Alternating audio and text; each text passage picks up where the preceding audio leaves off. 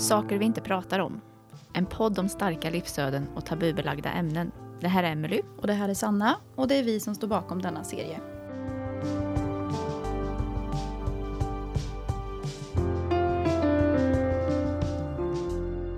Ska vi, vi börjar? Ja, ja. vart vill ni börja? Ja, det var ju ett år sedan vi var här och träffade dig senast. Ja, Och då berättade du om din hjärntumör som Mm. upptäcktes när du var gravid med ditt andra barn. ja precis. Vad, vad har hänt sedan dess? Ja, jag har ju varit sjukskriven till och från. Sen ville inte den läkaren sjukskriva mig utan tyckte att jag skulle vara föräldraledig istället. Och jag orkar ju inte bråka direkt så jag bara, ja, nej men då, vi kör väl så istället. Sen har jag ju börjat med fysioterapi och blev ett väldigt lyft i mitt mående får jag faktiskt säga. Vad gör man på den då? Eh, jag har ju träning, eh, gruppträning kör jag ju så att det är ju 10 minuter cykel som uppvärmning och sen kör jag lite övningar för att stärka upp, eh, ja det är väl bålstrukturen som vi fokuserar på just nu i alla fall.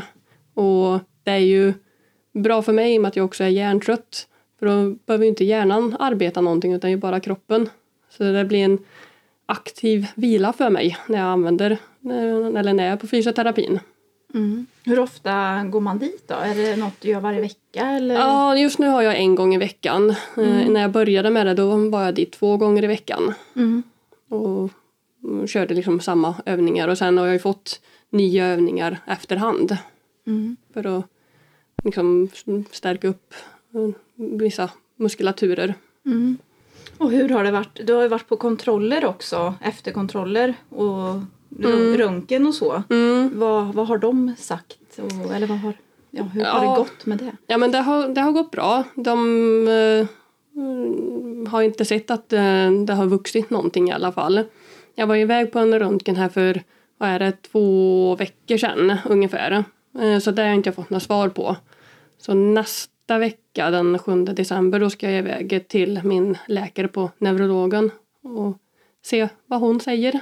Mm. Om, om de har fått mm, plåtarna då och sett hur det ser ut. Men det finns ju det finns kvar av tumören fortfarande och då kommer man alltså röntga för att hålla koll på att det liksom inte händer någonting. Nej, och det, det kommer man fortsätta göra eller är det under Ja. begränsad tid eller? Nej, vad jag har förstått så är det ju liksom en tid här som jag kommer gå på kontroller mm, två gånger per år Mm. på röntgen för att just se så att den håller sig stabil och inte växer någonting mer. Och sen kanske det blir typ en gång per år eller sånt där. Så att det är liksom ju längre tiden går desto eh, vad heter det desto mindre Ja, tid mindre- behöver jag, ja, mindre kontroller behöver jag gå på Mm. i så fall. Men, men är det någonting, känner du av det på någonting sätt att det trycker eller någonting eller är det, är det som borta liksom efter Ja, operationen? Ja, det är liksom ingenting sånt som jag liksom märker utav.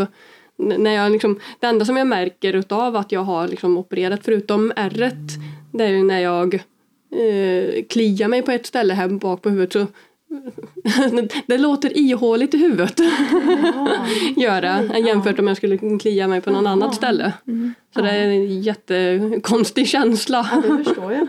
Men finns det någon oro kvar i dig att, att tumören skulle växa eller hur känner du inför sådana här återbesök?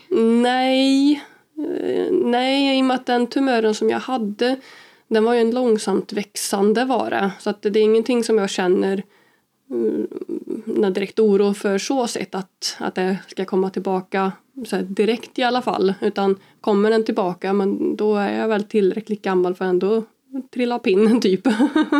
Får man väl kanske säga. Men har du, jag tänker efter det här nu när du har landat i det här, för det var ju väldigt nytt när vi var här eh, förra gången. Ja. Ser du liksom, jag tänker, är livet på ett annat sätt nu? Tänker du annorlunda eller alltså, har det förändrat dig?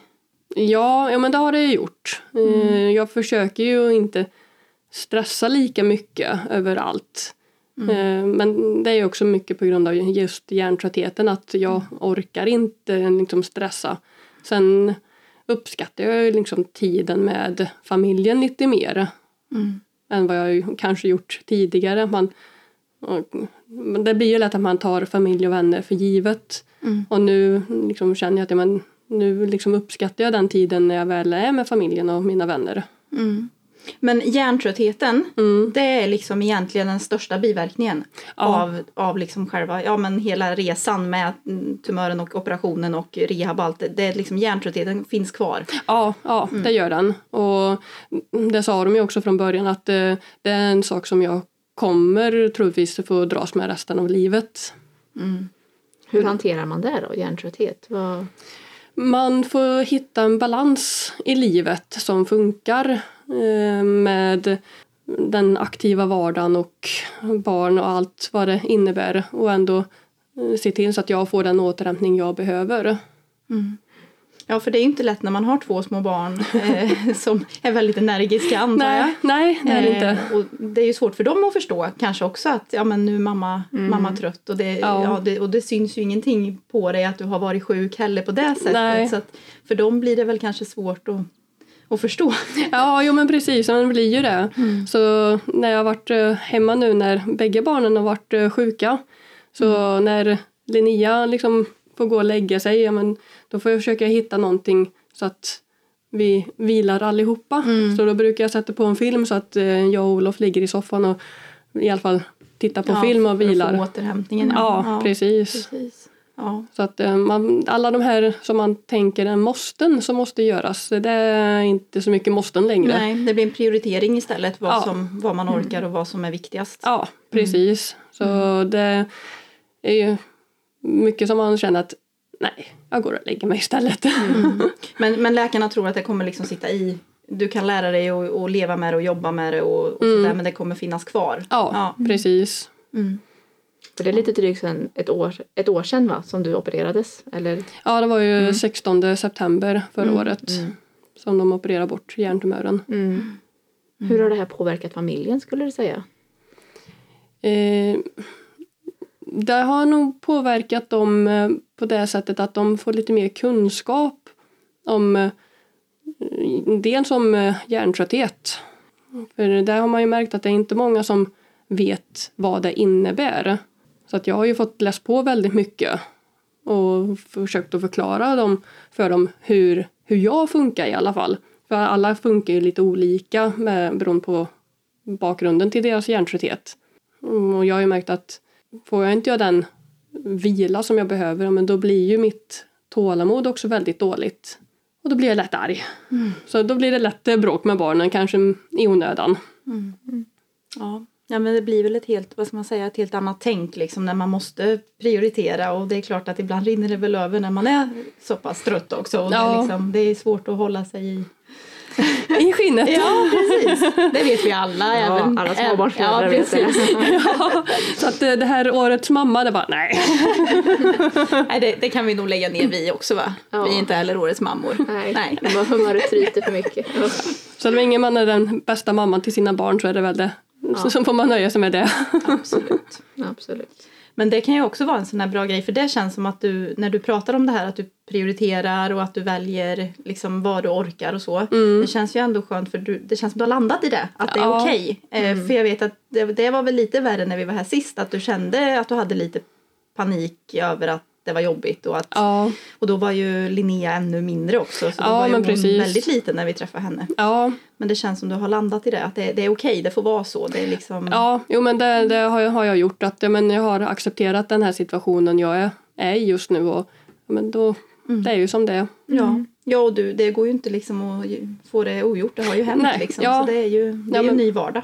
Precis, och jag vet ju med mig själv att eh, skulle jag bara kötta på, ja, men då mm, kommer det surt sen istället. Så istället för att kunna orka lite varje dag så istället för att göra allt på en dag så blir jag liggandes en hel dag istället.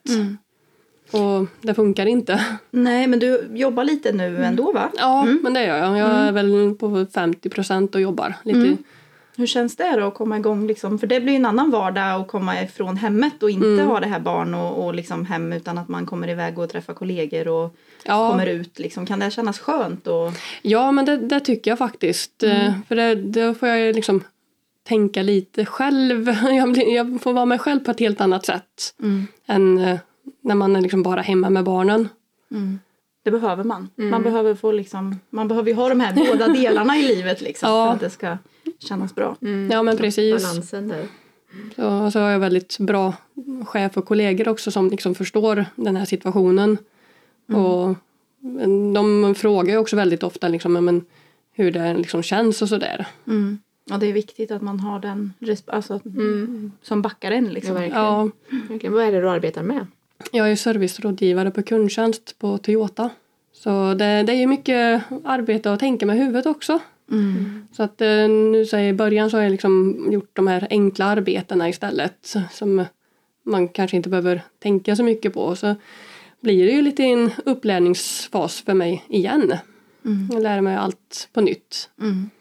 Och så har jag också väldigt bra att, eh, ja, för jag jobbar ju på kontoret tre dagar i veckan. Sen får jag jobba hemifrån eh, två dagar.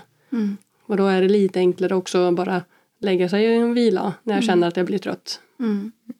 Eh, men framtiden då? Hur tänker vi där? Alltså, du kommer fortsätta med kontroller och allting. Mm. Och förhoppningsvis så kommer det inte att ske någonting inom den närmsta tiden som du sa i alla Nej, fall. nej. Så hur, hur, tänk, ja, hur ser du på framtiden nu? Ja, nej, det... Man försöker ju inte ha så höga krav på sig själv. Så man vill ju väldigt ja, mycket men nu känner jag att ja, men nu får jag liksom inte planera så jättelångt fram. För då vet jag att men då sätter jag lite för stor press på mig själv. Så man försöker ju ta liksom en dag i taget och se hur det känns. Men tanken är ju att jag ska kunna jobba 100% igen.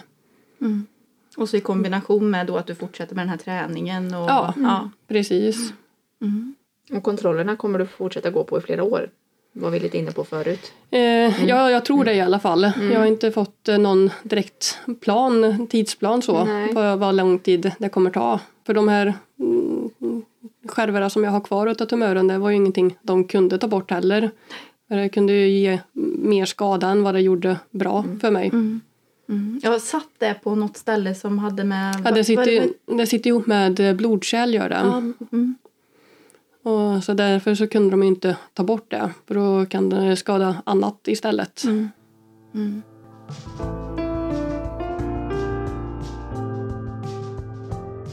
Ni har lyssnat på podden Saker vi inte pratar om. En produktion av Filipstads Tidning. Av och med Sanna Aronsson Sandberg och Emelie Wallo Bergare. Podden klipps av Emma Lindell. Musiken har gjorts av Carl Edlom och ansvarig utgivare är Filip Kowalski.